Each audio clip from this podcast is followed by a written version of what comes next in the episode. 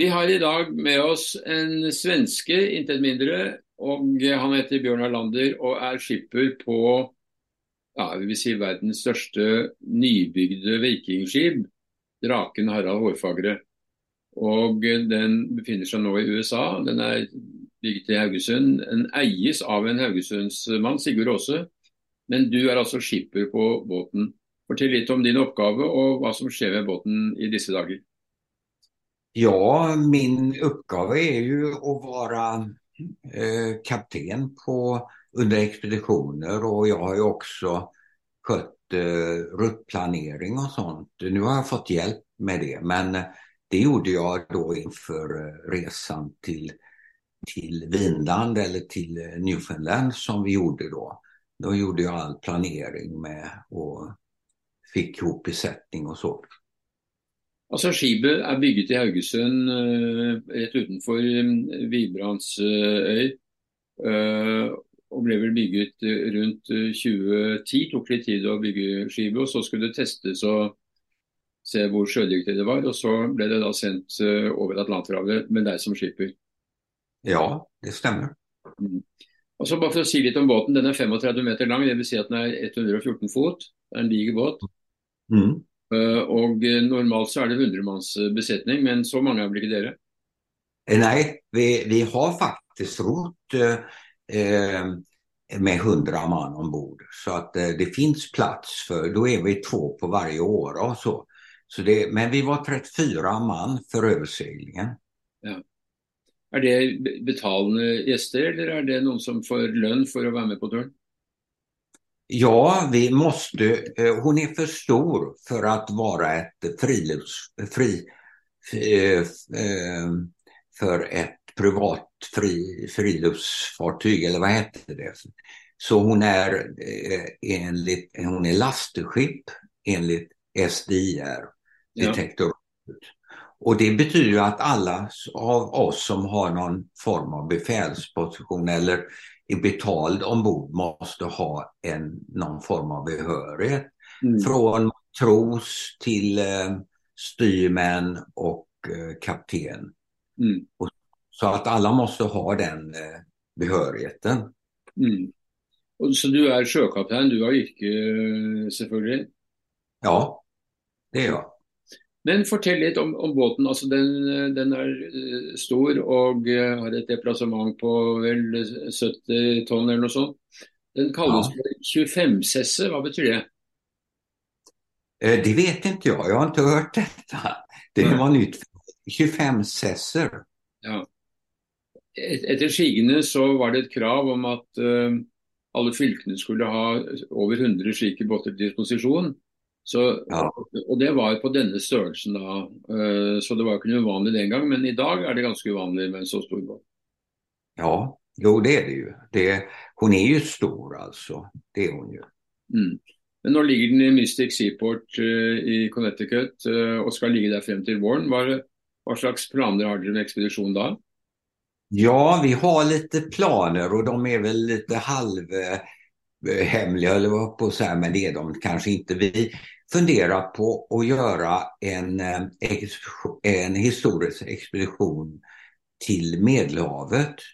Och det är samma filmbolag som har gjort den här filmen som släpps nu som eh, vill eh, för den har sålts väldigt bra filmen och den sjösätts just nu, själva filmen.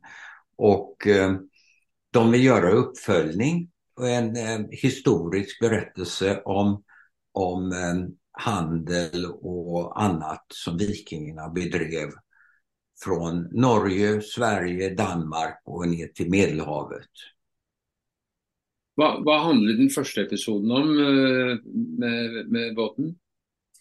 Ja, det är inte en, det är sex eh, episoder på 45 minuter som eh, går i History Channel och, och jag tror det är 10-12 eh, Eh, tv-kanaler som har köpt den här serien. Så det är en rätt lång serie.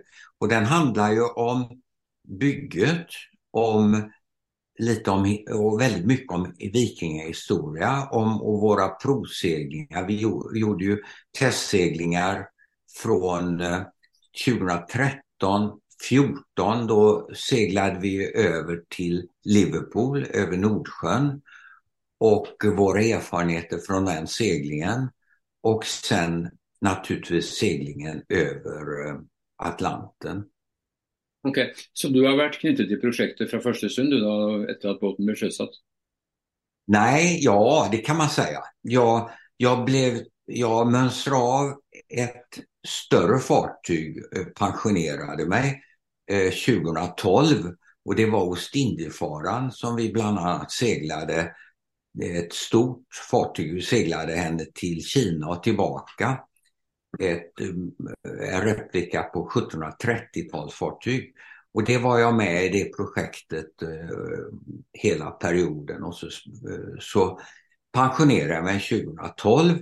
Så ringer de ifrån Norge och frågar om jag är intresserad att komma upp på provseglingar på hösten och eh, ge lite input om hur hon eh, fungerar. Och jag var inte särdeles intresserad i och med att jag just hade gått i pension. Men eh, jag kom upp dit och fick vara med. Jag stod på akterdäck och fick vara med och se hur hon för, hur vi, vi testade henne lite grann då. Och sen Kort därefter blev jag presenterad som nya skepparen utan att jag var tillfrågad. Så, så det, jag kom in väldigt snabbt eh, 2012. Och sen 2013 då var vi två skeppare. En dansk och en svensk på ett norskt fartyg. Men eh, vi, eh, vi seglade med två olika besättningar och provade ut hur det var att hantera henne. Och eh, vi, vi eh, observerar ju också eh, hur, eh, vilket manskap som skulle klara av att eh, hantera henne. Och sen blev jag ensam skeppare efter det. Och eh, vi gjorde en expedition till, eh, till Liverpool som jag sa tidigare. Och den var ju lite väl spännande. För vi upp, upptäckte att hon hade svagheter. Och eh, Så det var lite dramatiskt. Och eh, när, jag, när vi kom tillbaka efter denna turen, då ringde jag till Sigurd Åse och sa att tyvärr kan vi inte gå över Atlanten 2005, eh, 2015 som det var planerat. Vi måste göra om, eh, se över konstruktionen. Och eh, han sa ja till detta och det var en omfattande förstärkning av fartyget för hon höll inte. Och eh, vi gjorde stor, stor genomgång ute på Vibramsö som ligger alldeles utanför Haugesund. Så mm. hela 2015 låg vi still och hade båtbyggare från Norge och Danmark som eh, förstärkte henne. Och eh, så 2016 på våren, tidigt vår, då kastade vi loss för överseglingen. Mm. För det är väl ett av faremomenten med ett så stort vikingskip, att det kan vrida sig, att det är långt och smalt och kan vrida sig i bölgerna? Ja, det ska det ju också göra. Det är flexibelt. Men hon har ju inga, inget däck så att säga. Hon, så det är ett öppet fartyg så att hon är ju väldigt, väldigt Eh, flexibel. Men det visade sig att det var för mycket. Vi, vi råkade ut för dåligt väder ute i Nordsjön. Riggen gick över bord. Vi hade andra problem. Men eh, vi lyckades eh, ta två timmermän över till Skottland och de fick fällt ett jätteträd där och fraktat det ner till Liverpool och vi tog oss ner till Liverpool och tre veckor senare då, då ligger det här ämnet till mast ligger på kajen där. Och eh, tre veckor senare seglar vi norrut. Det kallar jag Viking Spirit. Ja, det kan man säga. Ja. Eh, så var det själva turen till, eh, till USA. Då gick det en nordlig ruta då, om Färöarna och Island och Grönland och Nyfoundland går utifrån? Ja, vi gick den historiska rutten. Mm. Och och eh, eh, jag studerade pilot charts väldigt noga och när man gick och vart man gick och så och det följde vi. Och det finns ju en, en tid på året och det är tidig vår. Eh, under maj har man eh, vindar som är nordliga, nordostliga och så vidare och sydliga vindar. Resten av året är det ju västvindsbältet och det gör ju seglatsen mer än dubbelt så lång om man ska ligga och kryssa över. Så eh, att vikingarna gick i april, maj, det eh, är inte så underligt. De var inte dumma på det viset. Nej, så det gjorde samma? Det gjorde samma och mm. första, första juni då eh, siktar vi Newfoundland och går in på då har vi tagit exakt en månad över. Men det inkluderade ju hamnstopp och reparationer och allt som en sån här expedition innebär. Men vi seglar ju Shetland, Färöarna, Island. Sen så seglar vi till Grönland in i Quartetok som var Erik den rödes eh, eh, bas där han hade sin, sin bosättning. Och dit gick vi in och såg ruiner efter hans eh, byggnader. Och han hade ju en berömd son, Leif Eriksson, som mm. var den första, första europe som kom till Amerika. Så mm. att eh, vi gjorde allt det här och vi följde detta.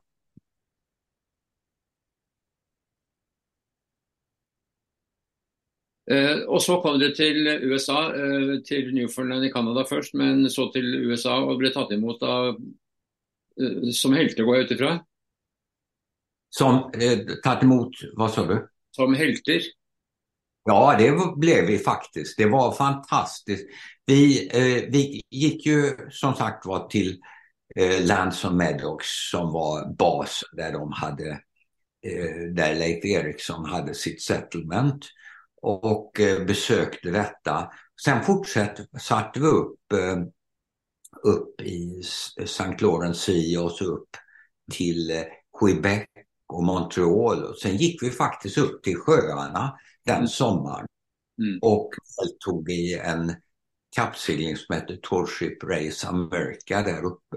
Ja. Och, och gjorde, vi gick ända ner till Chicago där och överallt så stannade folk vid slussar och broar och det var jättesamling.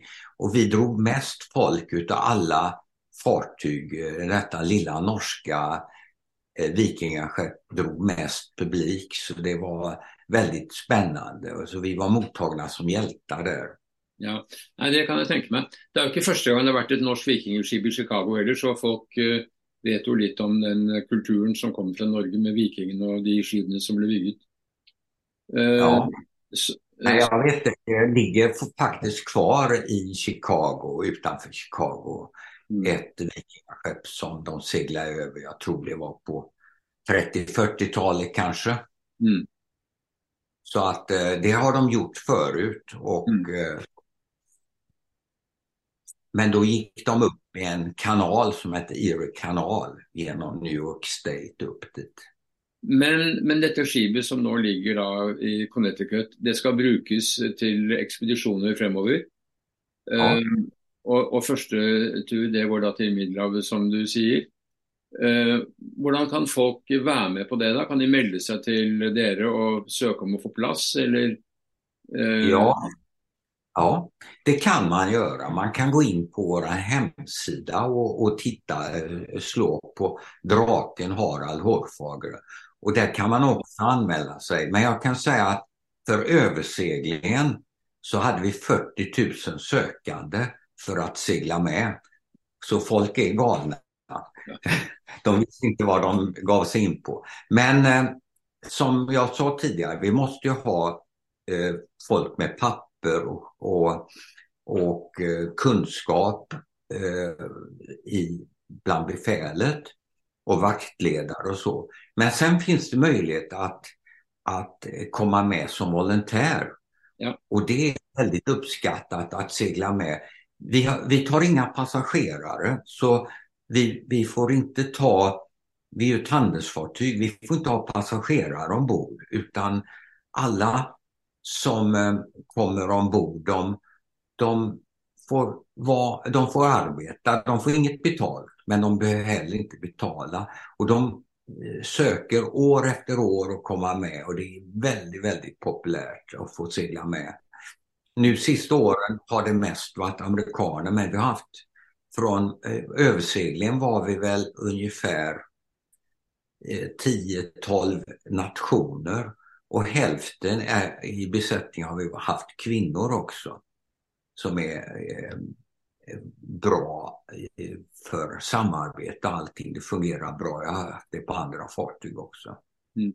Men det är ganska krävande med en sån båt eh, som är så stor och öppen. Eh, det kan ju komma ganska mycket vatten in, men där man sover är det däcket över, inte sant? Det är kahytt som man kan söka. Nej, vi sover i ett tält. Ja.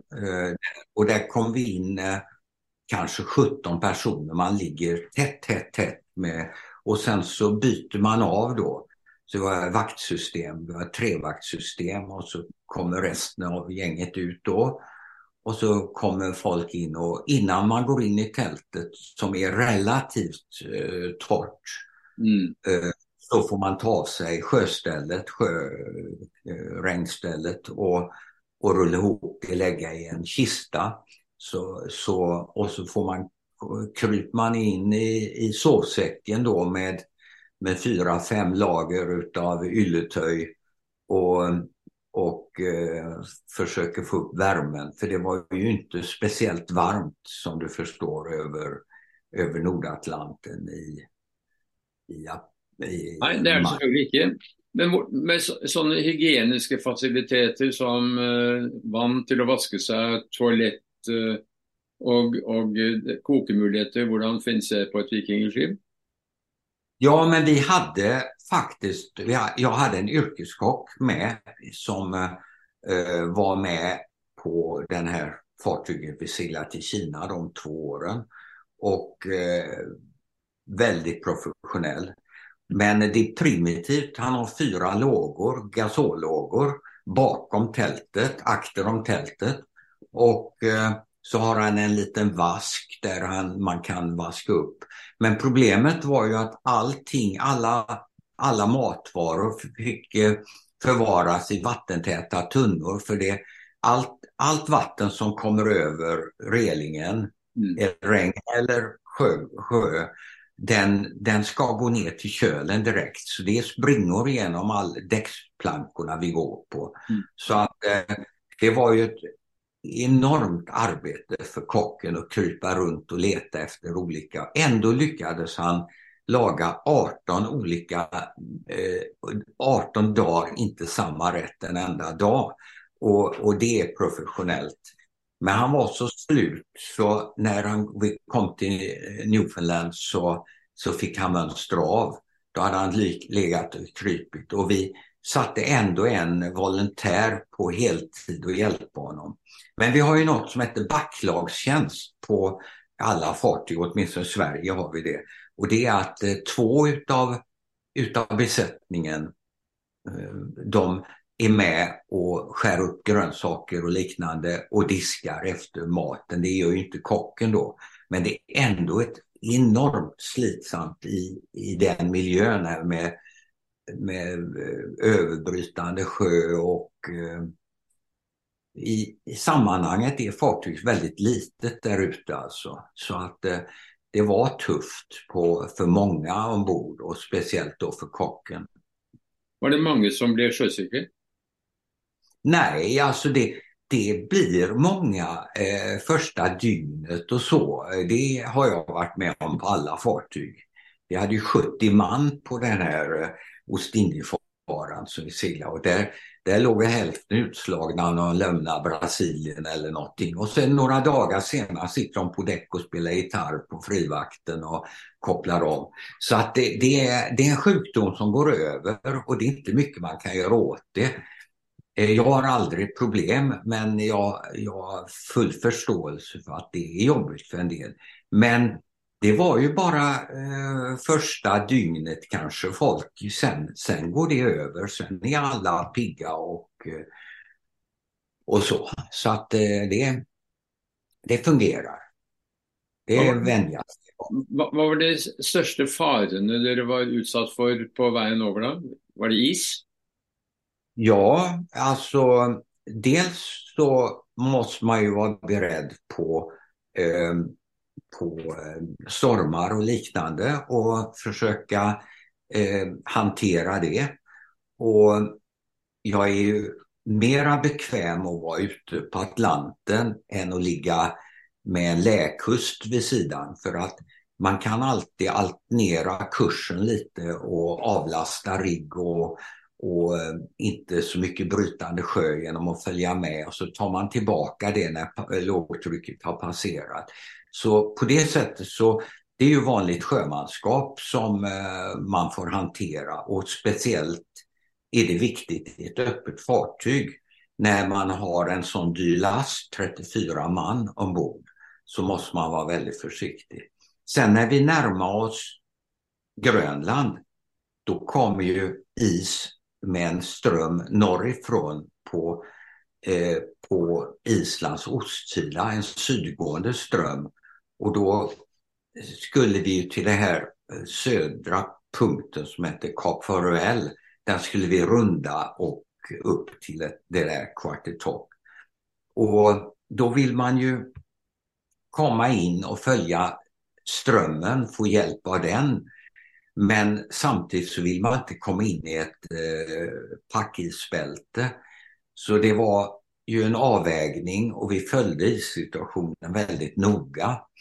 Och vi höll på att bli inlåsta när vi hade snurrat runt. För den här strömmen, den sydgående strömmen, den vänder vid Kap farväl och blir en nordgående ström och tar med sig is upp. Så ju längre norrut du kommer på Island, ju mindre is är det. Men vi skulle in i södra ändan och ett, ett tillfälle då fick vi vända och göra en 100 sjömil eh, rund, eh, rundpall runt det här för att inte komma in.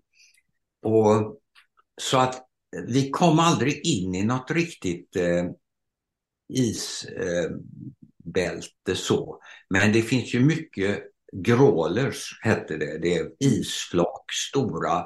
Och de kan vara som ett vardagsrum och det som sticker upp eh, sju gånger det finns under vattenytan och det är ju ton. Och det går inte att segla in i 8-10 knop i ett sånt utan att få skador. Så det var ju väldigt, väldigt eh, stressande. Vi hade ju dubbla utkik med strålkastare eller lampor, flashlights som försökte upptäcka detta och så hade vi radio bort till mig då så man försökte gira undan allting. Så att, eh, men vi lyckades komma in mm. Eh, utan skador in i eh, Quartertock och fick vilat ut där. Hade Efter... hade ja. hade motor till framdrift och till att kunna ladda batterierna? Ja, vi har, vi har motorer och det är, det är requirement, vad heter det, det måste vi ha för att få henne godkänd. Så att vi hade ju det och vi hade ju, eh, vi laddade batterier och så hade vi elektriska länspumpar. Men eh, några större sjöar klarar inte de av. Så hade vi i reserv hade vi även bensindrivna eh, rejäla pumpar som vi kunde rigga till. Men det tar alltid tid att få upp dem och få dem primade så de suger och så. Men eh, vi lyckades faktiskt klara alla väder.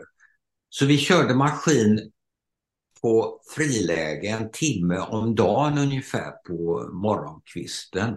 Men eh, eh det, vi hade ju alltså inte bränsle för att ligga och köra propeller över Atlanten.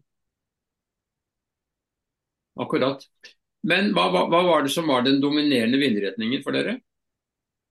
Det var nog eh, ostlig vind och sydostlig. Vi hade Ja, vi gjorde bara några enstaka eh, kryssben eh, på hela vägen och det är ju fantastiskt att kunna med. Och det är ju en, det är ju en eh, gammal kunskap. Eh, eh, det, det hette ju tradewinds förut, handelsvindar. Man visste, man, man lärde sig när är vinden fördelaktig och när är den inte. Och det gör man ju vid all, gjorde man ju vid all, all handel. Man, man visste vad västvindsbältet var nedanför Sydamerika och följde ju det då och så vidare. Går man emot, det går ju inte på de långa distanserna. Då hinner ju besättningen svälta ihjäl. Mm. Særlig ikke med ett vikingskip som väl inte egner sig så väldigt gott till eh, bidevindsseiling. Nej, jag vill inte hålla med dig där. Hon seglar fantastiskt bidevind. Men det är klart att man inte vill gå en rykande storm med eh, sju, åtta knop emot en eh, brytande sjö. Men hon seglar mycket mer. Det är en fördom många har att hon inte kan segla bydvind. Vi seglar väldigt högt. Eh, så att eh, hon seglar faktiskt fantastiskt bra. Och ett, eh, vi kryssar ju ofta Sen är en vändning mer komplicerad och så, men eh, det är en annan historia. Det, men eh, runt kom vi alltid och, och, och folk blir förvånade att vi kan gå så högt och så fort som vi gör. Så det är faktiskt en fantastisk seglare. Mm. Ja, detta är ett eh, otroligt spännande projekt. Eh, alltså, dere skal til Middelhavet og lage mer film för kanadierna. Og, og hur långt är ditt engagemang? Hur långt frem ser du? Ja, jag är ju jag är fortfarande ung, jag är bara 76 år. Men eh, det, det finns ju en eh, bäst före-datum. Eh, mm. Jag har börjat fundera på fram om några år att jag kanske ska pensionera mig också. Men vi får väl se. Ännu så länge är det väldigt spännande. Och framförallt har jag en fantastisk eh, besättning eh, som har följt detta troget genom åren.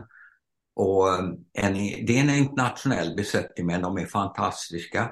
Och så har en ägare som backar upp oss eh, eh, vad som än händer. När vi förlorar riggen ute i Nordsjön till exempel 2014 så ringer jag till Sigurd Åse och räknar med att få en rejäl utskällning. Det första han frågar, hur mår du? Mm. Hur är det? Alltså det, det, det sätter jag pris på. Att eh, han bekymrar sig för besättningen och eh, hur det hade gått för oss eh, innan han, han funderar på fartyget. Och sen kom vi på den här idén när vi, vi fick vända tillbaka till Shetlandsöarna då utan riggen och kom in där och alla var deprimerade och trodde att de skulle få sparken. Eh, att expeditionen var över som skulle vara i två månader. Mm. Och då gick jag, en timmerman och, och en man till och satte oss på ett café och så funderade vi och försökte fundera, kan man få tag i ett ämne till, eh, till att göra en ny mast? Och vi ringde till Sverige, limträbalkar och allting det var mitt under semesterperiod, det fanns ingen som eh, kunde ordna något. Och då ringde jag en, en vän som är hamnkapten i Imas i Skottland och han kände någon eh, skogsvårdare och, och eh, sa att ja, vi kan nog hitta en, en stor Douglasgran eh, och Eh, så jag skickade över två timmermän från besättningen över till, till Skottland och eh, de skickade bilder på ett trä som de inte kunde greppa runt ens och så fick de fälla det fast det var ett naturreservat och frakta det ner till Liverpool som jag berättade tidigare. Mm. Och det, det är fantastiska minnen hur vi kan gå vidare i motgångar och lära oss av det och ändå ha uppbackning från, eh, från Sigrid Åse som jag satte pris på då. Mm. Jag trodde jag skulle få sparken nämligen. Det hörs ut som detta är ett väldigt intressant projekt som vi säkert kommer till att följa mer med på. Så jag säger tusen tack för eh, samtalen. Ja. Och god tur till när den tid kommer. Ja, och jag eh, kan rekommendera att titta, de här, allt det här som jag har berättat, det finns med på den här serien som kommer nu på History Channel och många andra. Och det heter Viking Crest America, heter eh, programmet. Och det, det släpps nu i dagarna, har redan släppts på en del kanaler. Så där ser man hur galet detta är. Mm, mm. Väldigt bra, det hoppas jag vi får se på. Och igen tusen tack för en hygglig samtal. Ja, detsamma. Tack så mycket. Hej då. Hej. Hej.